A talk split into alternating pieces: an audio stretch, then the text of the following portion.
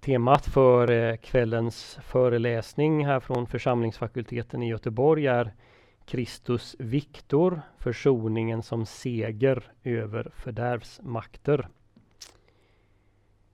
För ganska precis 90 år sedan höll den då 53 år gamle professorn i Lund, Gustav Aulén, en serie föreläsningar vid Uppsala universitet. Han hade blivit inbjuden att under den sista veckan av mars och den första veckan av april år 1930 hålla de så kallade Aulaus Petri föreläsningarna. Den som inbjudit honom var ingen mindre än ärkebiskopen Nathan Söderblom som väl var ordförande för Olaus Petri-sällskapet. Innehållet i de här föreläsningarna blev samma år utgivet under titeln Den kristna försoningstanken Huvudtyper och brytningar. En mer känd, ja världsberömd, är den under sin engelska titel Christus Victor. Kristus, segervinnaren. Reser man runt i världen är det här en bok de flesta teologer är bekanta med. Så är väl kanske inte längre fallet i Sverige. Få känner numera till titeln. Än färre har läst boken. Ändå har dess inflytande varit stort. Oproportionerligt stort, tycker jag. Jag ska strax förklara varför. Man kan eh, testa Åhléns inflytande på försoningslärans område genom att lyssna ordentligt på det som predikas i våra kyrkor.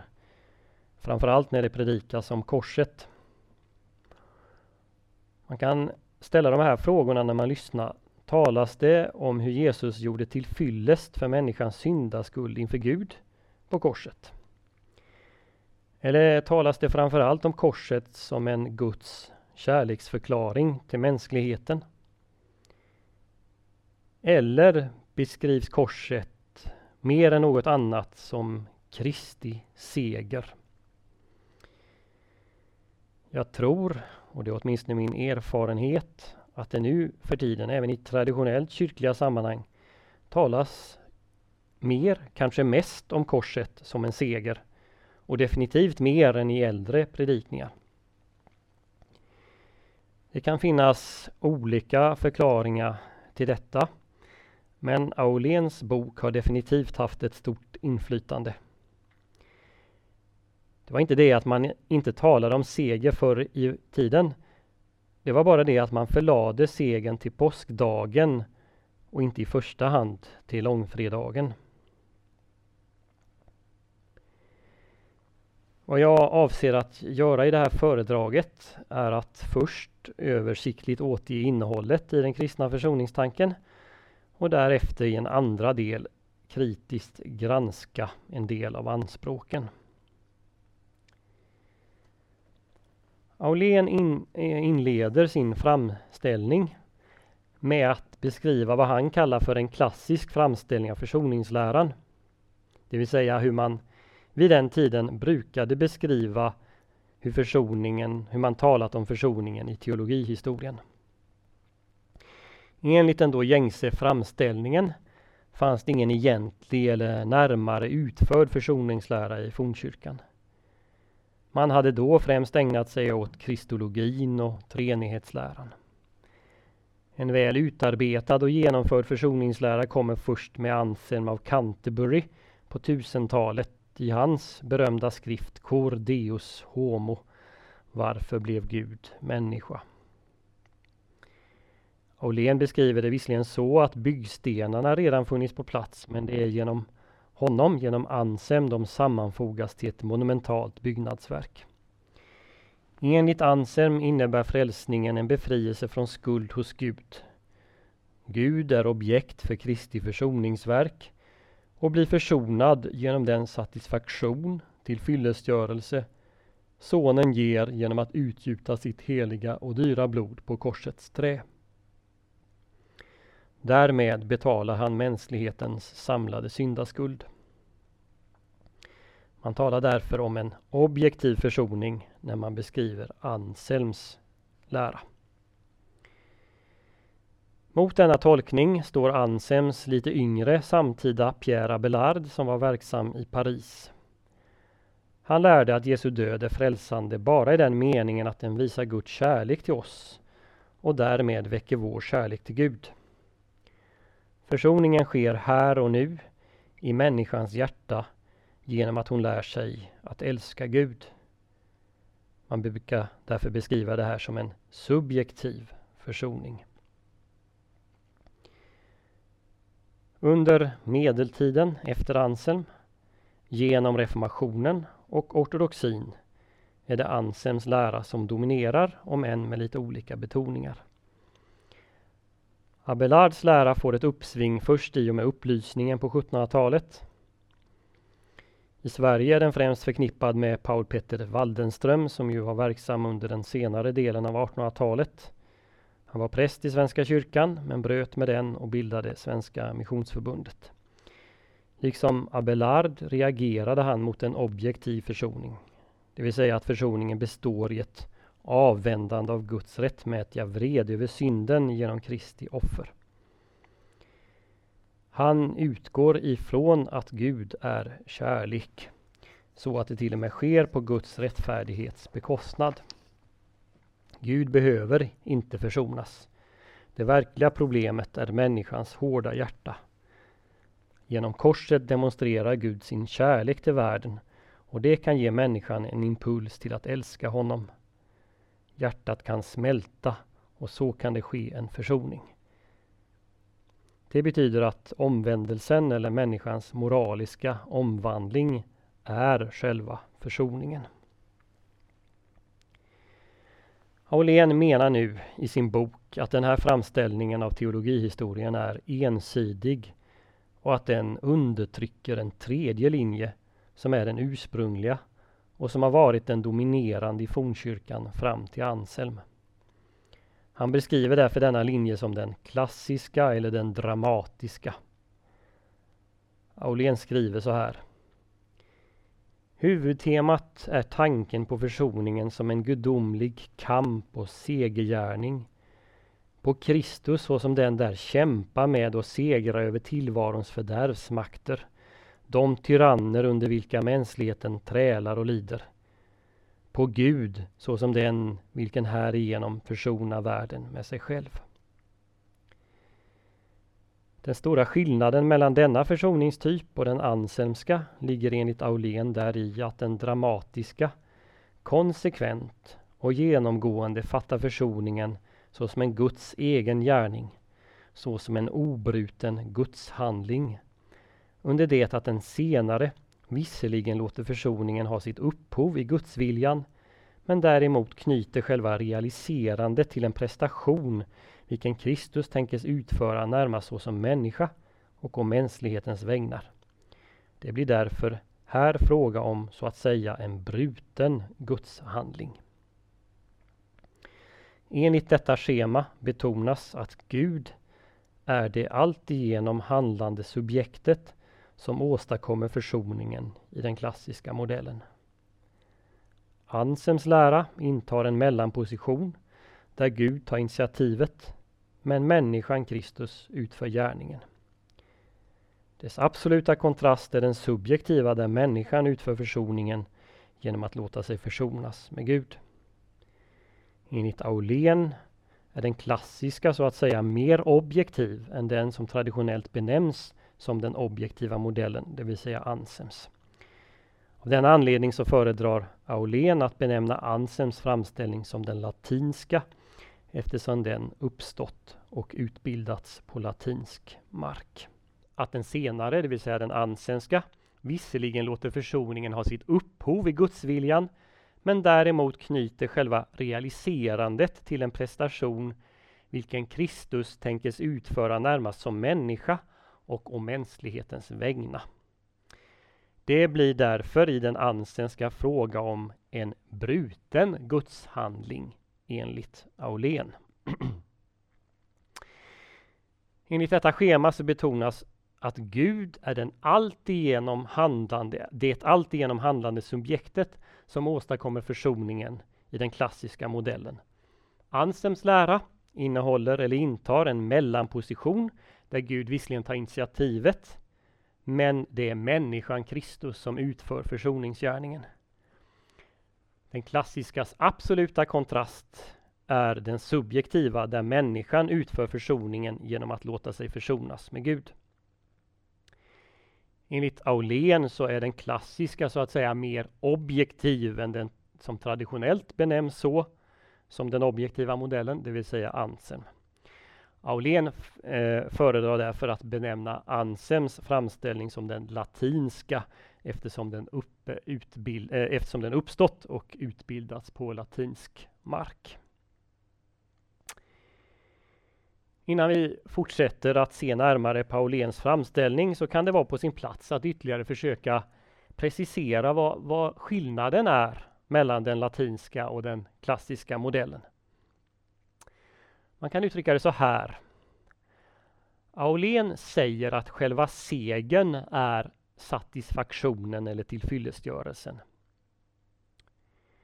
Eh, den ansenska linjen däremot är att tillfyllestgörelsen är segern.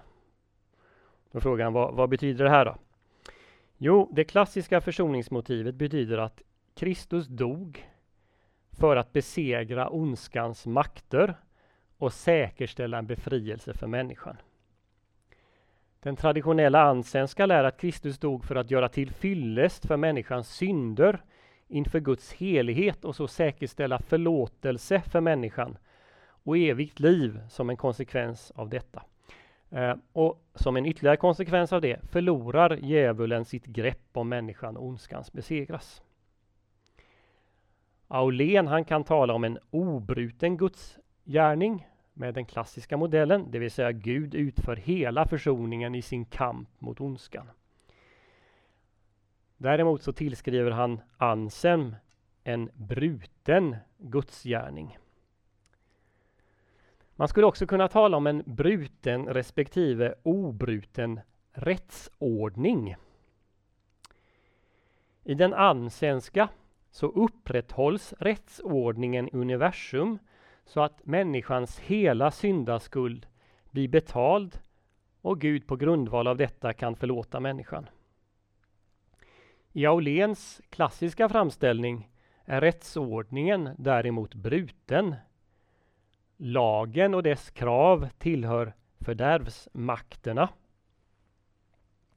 Eh, och segern över lagen innebär att den gudomliga kärleken i Kristus bryter igenom rättsordningen och skapar en ny ordning för relationen mellan Gud och människa. Man kan säga att lagen är besegrad snarare än att dess rättmätiga krav är uppfyllda.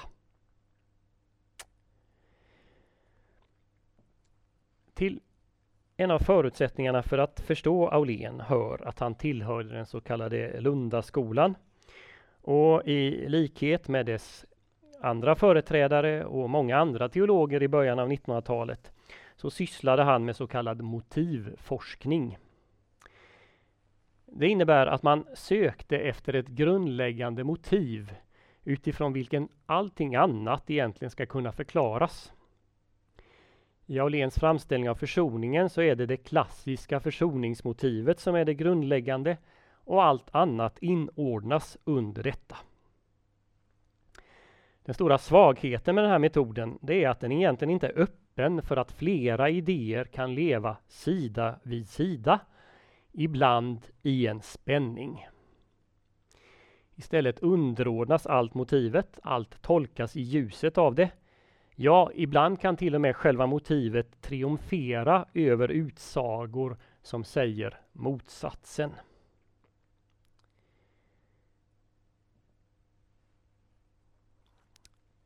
åter till, till Aulén. Han börjar sin framställning med Ireneus omkring år 180 efter Kristus där han menar att det klassiska motivet möter i en klar eh, och fast utgestaltning. Ireneus frågar varför Kristus nedsteg till jorden och han svarar för att han skulle döda synden, nedslå döden och levandegöra människan. Aulén menar att Ireneus främst beskriver ett segerverk i vilket fördärvsmakterna besegras och de besegras av Gud själv. Likväl är det så att offret har en viktig plats hos Ireneus. Han kan säga att Gud blir försonad genom det offer Kristus bringar. Ett offer som också behagar Gud. Denna ståndpunkt underordnas ändå tanken på det gudomliga livets seger enligt Aulén. När Ireneus talar om Kristi lydnad ska enligt Aulén denna inte förstås som någon mänsklig prestation utan som ett uttryck för att gudsviljan helt behärskar Kristi liv och kommer till uttryck i hans livsverk. Aulén betonar här starkt att försoningen är helt och hållet ett gudomligt verk. I en anspelning på en kollega, nämligen Anders Nygren och hans lika berömda verk Eros och Agape, så säger Aulén det här om Ireneus. Den aktiva makten i själva gärningen är icke något annat än Guds agape, än den gudomliga kärleken själv. Det för tankegången avgörande är denna linje uppifrån nedåt. Den gudomliga makten liksom sänker sig ned, den träder in i syndens och dödens värld och utför det, det verk varigenom Gud försonar sig med världen.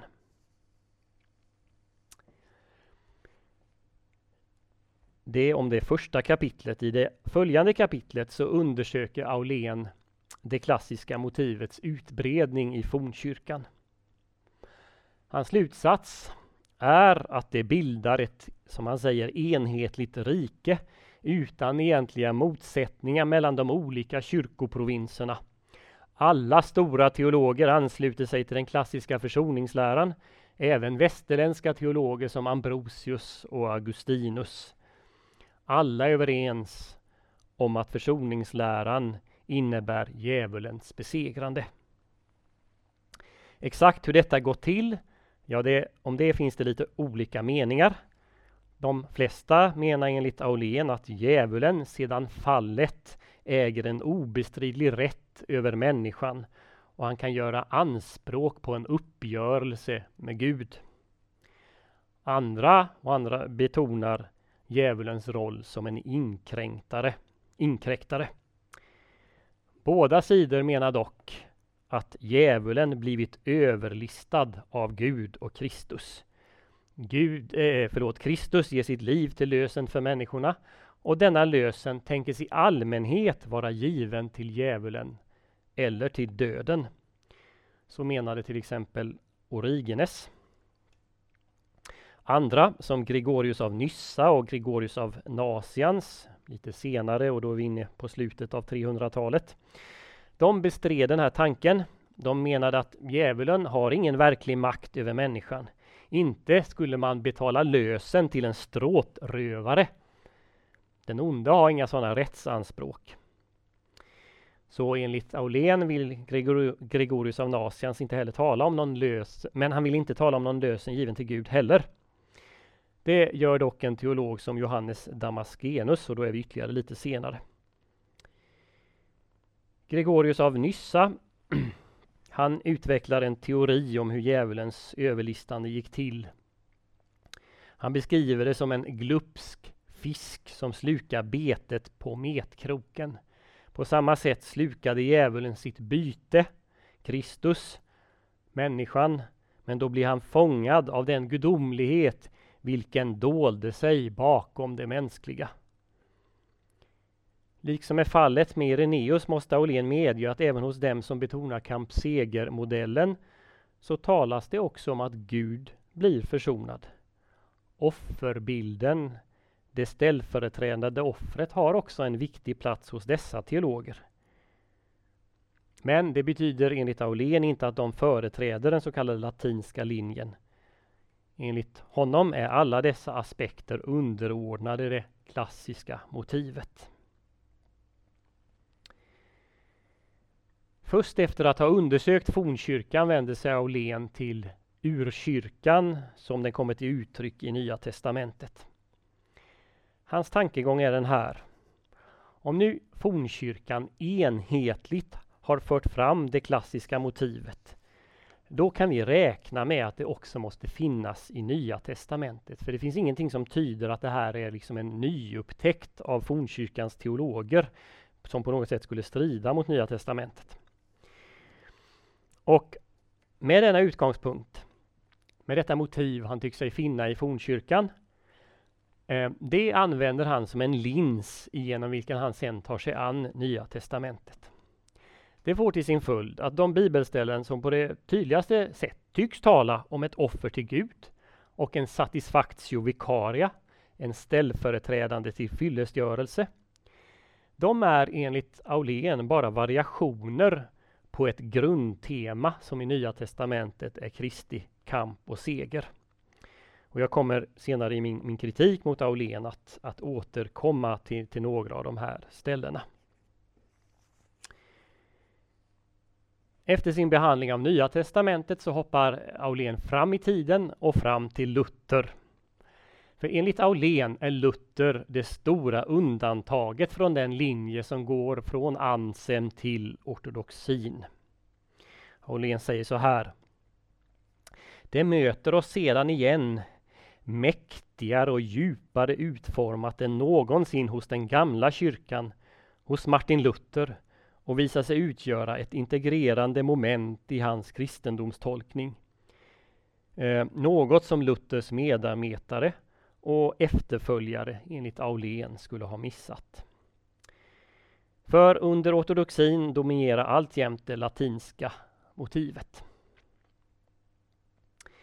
Aulén han tar sin utgångspunkt i de drastiska bilder Luther ofta använder Föreställningen om överlistandet av djävulen, det är ett kärt återkommande tema för Luther.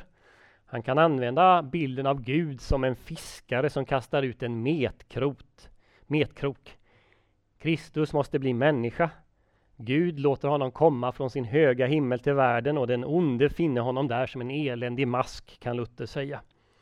I ständiga variationer skildrar Luther Kristi kamp med tyrannerna och deras besegrande. Aulén hänvisar till exempel till Lilla katekesens ord där det står Han har förlossat, förvärvat och vunnit mig, förtappad och fördömda människa från alla synder, från döden och djävulens våld. Man kan ju notera att Aulén faktiskt slutar sitt citat där och inte tar med fortsättningen, inte med guld eller silver utan sitt heliga och dyra blod. Aulén finner här i Luthers förklaring de tre stora fördärvsmakterna den gamla kyrkan talar om, synden, döden och djävulen. Aulén kan vidare hänvisa till salmer som Var man må nu väl glädja sig och Vår Gud oss en väldig borg som ett uttryck för den här kampsegermotivet. Även Luthers utläggning av Galaterbrevet 3.13 i Stora Galaterbrevskommentaren utgör en del av bevisföringen. Och här kommer nu ett, ett längre citat som Aulén har med i sin bok. Luther skrev så här. Så hade och förbannelsen, som är Guds vrede över hela världen, en kamp med välsignelsen. Det är med Guds eviga nåd och barmhärtighet i Kristus. Förbannelsen sammandrabbar alltså med välsignelsen och vill fördöma och alldeles tillintetgöra den. Men det kan den icke. Välsignelsen är nämligen gudomlig och evig. Därför måste förbannelsen vika.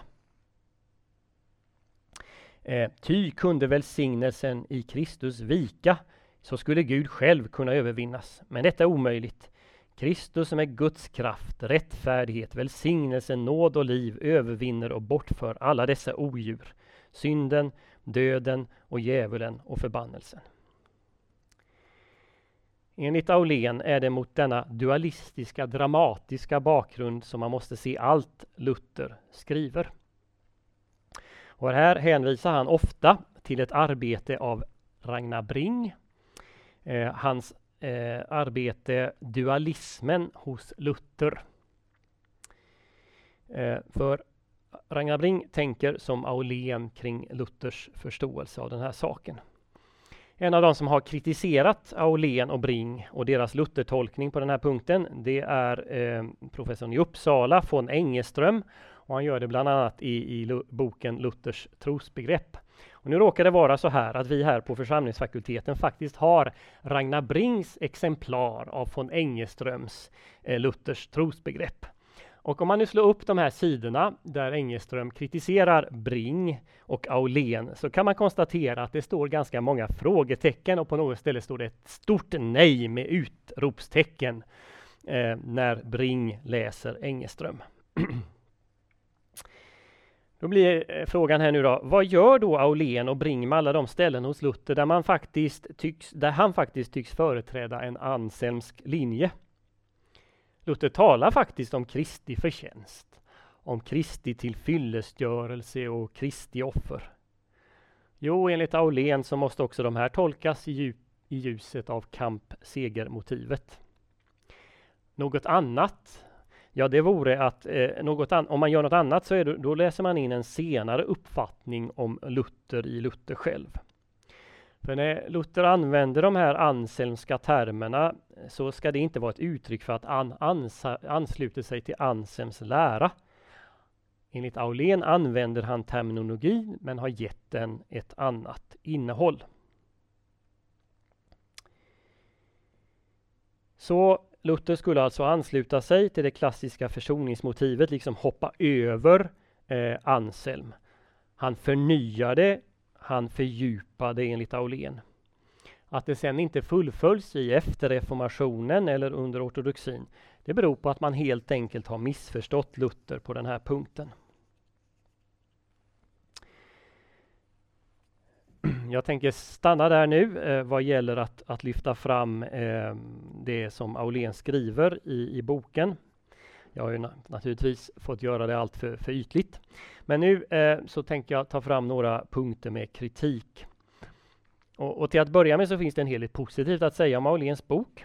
Den avvisar till exempel den subjektiva humanistiska försoningsläran.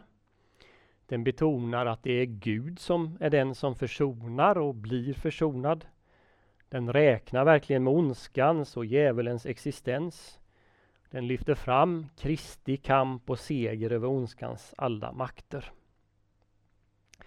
Problemet är att den gör det så ensidigt att den samtidigt tonar ner eller helt bortser från andra viktiga aspekter, ja aspekter som är mer grundläggande. Ett av problemen med motivforskningen som jag antydde tidigare, det är att den söker det här grundläggande motivet istället för att inse att flera motiv kan leva sida vid sida av varandra utan att det sker på de andras bekostnad. I min kritik nu så tänker jag ta upp två stycken huvudpunkter. Dels Auléns beskrivning av teologihistorien och dels hans tolkning av eh, Nya testamentet. Det ligger i sakens natur att argumentationen blir ganska svepande när man ger en, en sån föreläsningsserie som den som ligger till grund för Auléns bok. Den kom ju först som en föreläsningsserie vid Uppsala universitet. Men det som slår en när man läser den är att många påståenden är just svepande och saknar ordentliga bevis. Det gäller till exempel beskrivningen av fornkyrkan. Framställningen av försoningen är inte så enkel som Aulén beskriver den. Forskare både före och efter Aulén konstaterar att Kristus Victor-temat det är bara ett av flera teman som används i utläggningar av vad som hände på korset.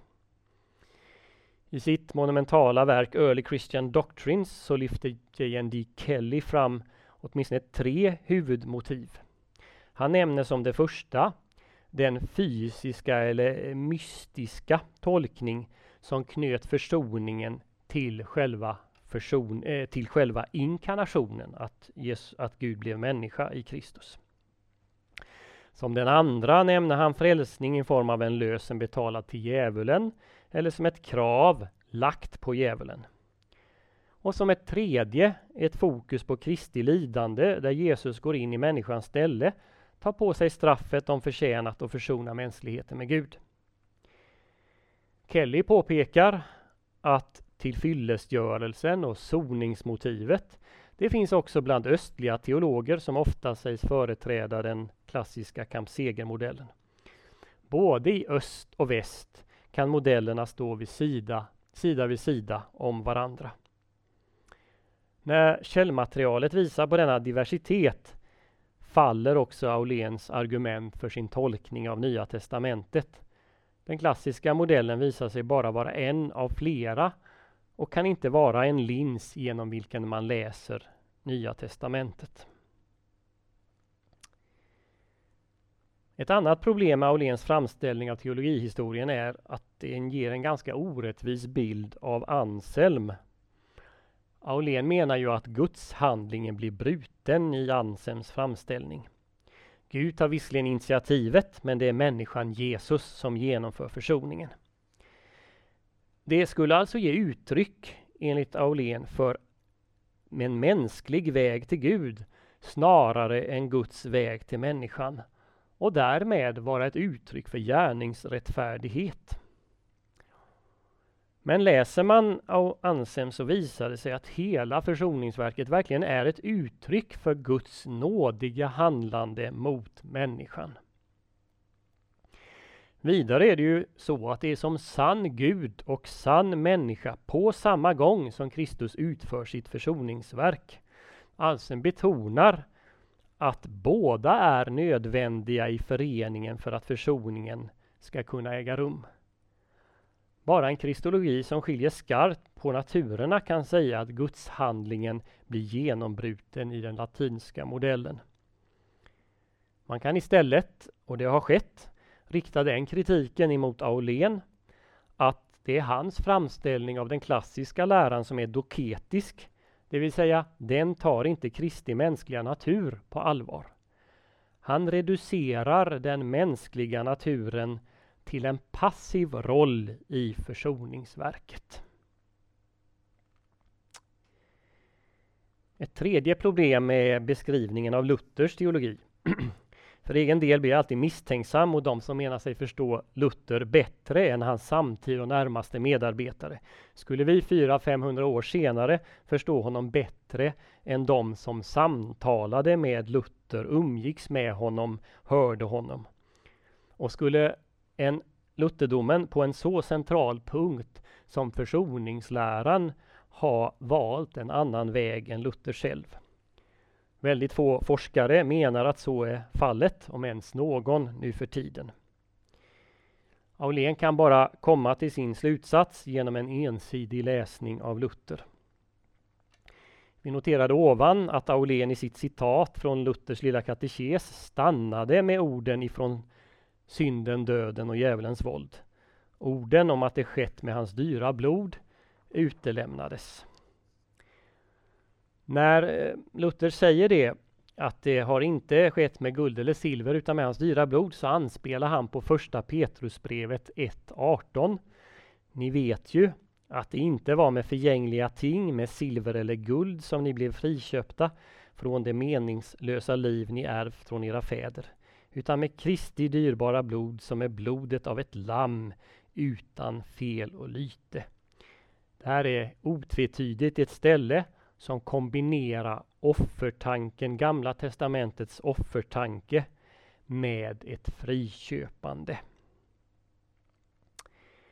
Vidare är det så att Aulén i sitt citat från Galaterbrevskommentaren hoppar över de avsnitt där Luther otvetydigt talar om Kristus som vår ställföreträdare som gör till fyllest för oss inför Fadern. Till exempel det som kanske är det mest berömda stället i Galaterbrevskommentaren. Luther säger så här. Detta är den ljuvligaste av alla läror och breddfull av tröst. Den lär att Gud hyser en outsäglig och översvinnlig barmhärtighet och kärlek mot oss.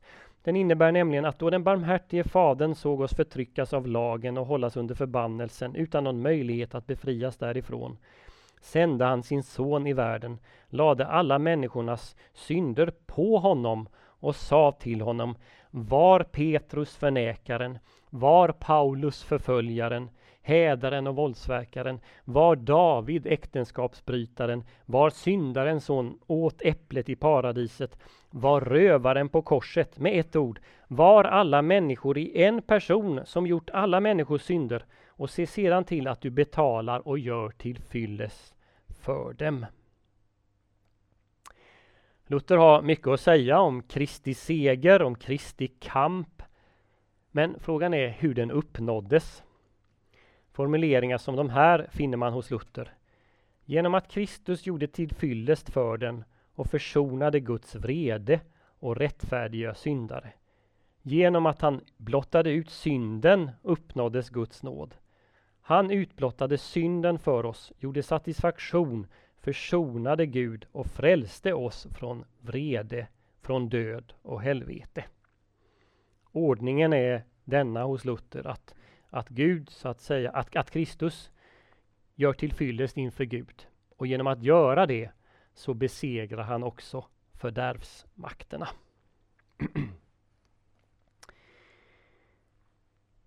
så ska vi eh, till sist säga någonting om hur Aulén läser Nya Testamentet. Aulén utgår i sin läsning av Nya Testamentet ifrån att det finns då som sagt en enhetlig syn i fornkyrkan. Och han använder då den klassiska modellen som glasögon genom vilka han läser Nya Testamentet. Ställen som då tycks tala emot den klassiska modellen förbigås eller inordnas under den. Till exempel ställen som Markus 10.45. Människosonen har inte kommit för att bli betjänad utan för att tjäna och ge sitt liv till lösen för många.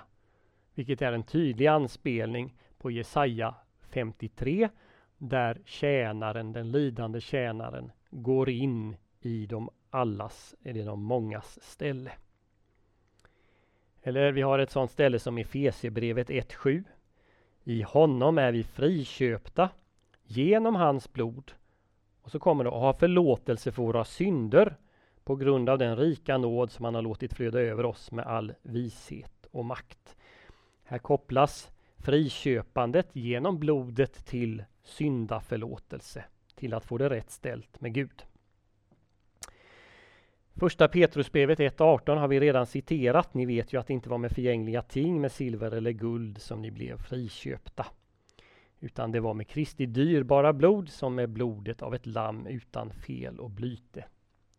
Här har vi en tydlig anspelning på Gamla Testamentets offerteologi. Kanske en anspelning på, på påskalammet, men även på den stora försoningsdagen. Då det handlade om att ge ett djur istället för eh, de synder eller eh, att, att djuret fick ta människans rättmätiga straff för den synd som människan hade begått. Enligt Aulén så lär även Hebreerbrevet den klassiska modellen med hänvisning till Hebreerbrevet 2, 14-15. Där det står så här. Eftersom nu barnen hade fått del av kött och blod fick han på liknande sätt del av kött och blod. Och så kommer det för Aulén viktiga orden. För att han genom sin död skulle göra den maktlös som hade döden i sitt våld, det vill säga djävulen, och befria alla dem som av fruktan för döden hade levt i slaveri hela sitt liv. Att detta bara är en utsaga i förbegående och att snart sagt allt fokus i Hebreerbrevet ligger på det offer som sonen bär in i det allra heligaste hos Fadern i himlen. Det tas inte i beaktande. Och det räcker bara att läsa ett par verser senare i kapitel 2, vers 17. Därför måste han i allt bli lik sina bröder för att bli en barmhärtig och trogen överste präst inför Gud. Och så kommer de allra viktigaste orden och sona folkets synder. Ett ställe som Romarbrevet 3, 24-26 är också ett problem för Aulén. Det står så här där. De står som rättfärdiga utan att ha förtjänat det av hans nåd. Därför att Kristus Jesus har friköpt honom. Honom, det vill säga Kristus, har Gud genom hans blod ställt fram som en nådastol att tas emot genom tron. Så ville han visa sin rättfärdighet eftersom han hade lämnat ostraffade de synder som förut blivit begångna under tiden för Guds tålamod. I den tid som nu är vill han visa sin rättfärdighet, att han själv är rättfärdig när han förklarar den rättfärdig som tror på Jesus. Ja, när man läser det här så låter det som Anselmsk, eh, Anselms modell, den latinska. Eh, men Aulén han säger att nej, så kan det inte vara. För enligt Ansem, Ansem så ges ju offret till Gud från människans sida. Mm, nu har vi redan ifrågasatt att det är en riktig, riktig, om, om det är en riktig beskrivning av Ansem, men, men så säger Aulén. Här säger Aulén då, i Paulus så är det den gudomliga kärleken själv som gör försoningen. Det måste man säga är en ganska märklig läsning. För det talas om ett offer, om en nådastol, det talas om en soning. Och vem blir sonad här? Ja, svaret kan inte vara någon annan än Gud själv. Och soningen sker genom Sonens död. Det är den enkla, klara läsningen av det här stället i Romarbrevet. Visst kan Paulus tala om Kristi kors som en kamp och seger. Ett av de allra tydligaste ställena finner vi i Kolosserbrevet 2.15. Där beskriver han eh, Guds gärning i Kristus på ett dramatiskt sätt. Han avväpnade härskarna och makterna och lät dem bli till skam inför alla när han på korset triumferade över dem. Här har vi ett tydligt ställe som talar om, om kamp och seger och en triumf över eh, de onda makterna på korset. Men vi ska notera vad Paulus säger i verserna precis innan. De som utgör bakgrunden till det han säger här. Vers 13 till 14. Ni som var döda på grund av era överträdelser och er oomskurna natur. Också er har han gjort levande med Kristus. Han har förlåtit oss alla överträdelser och strykit ut det skuldebrev som med sina krav vittnade mot oss. Det har han tagit bort genom att spika fast det på korset. Det vill säga, enligt Paulus här i Kolosserbrevet så sker segern på grundval av skuldens upphävande. Att skuldebrevet blev utstruket, att det blev fastsprikat på korset.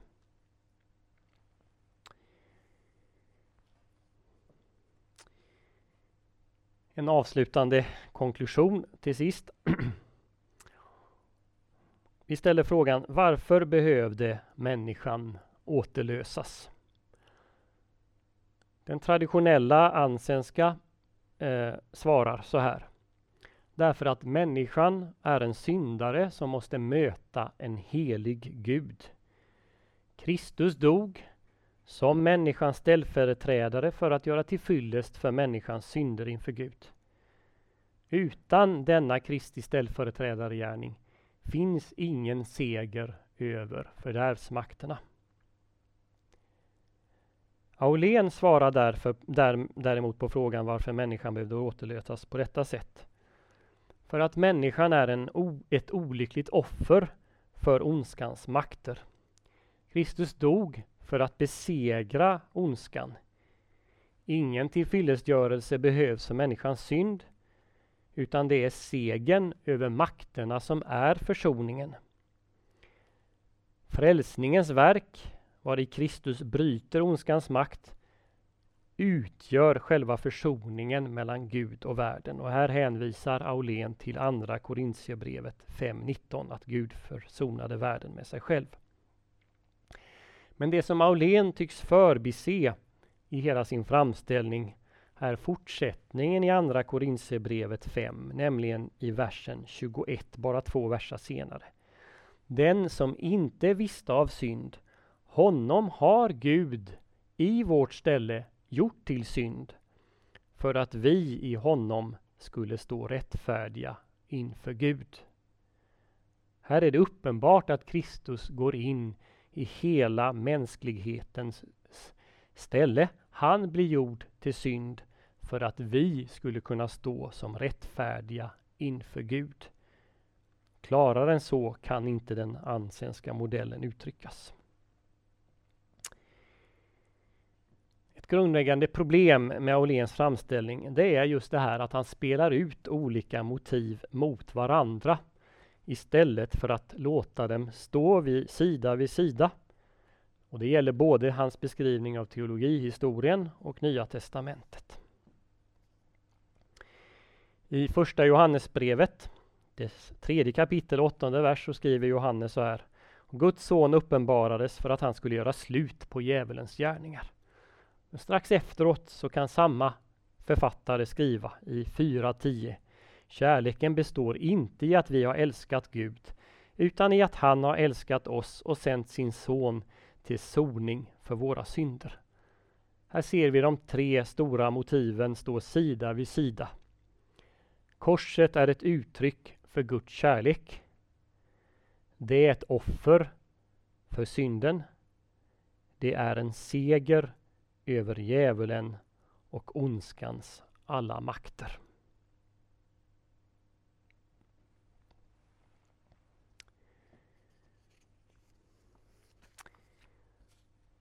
Därmed så var jag färdig med eh, vad jag tänkte säga ikväll om Gustav Auléns Den kristna försoningstanken och Kristus Victor-motivet.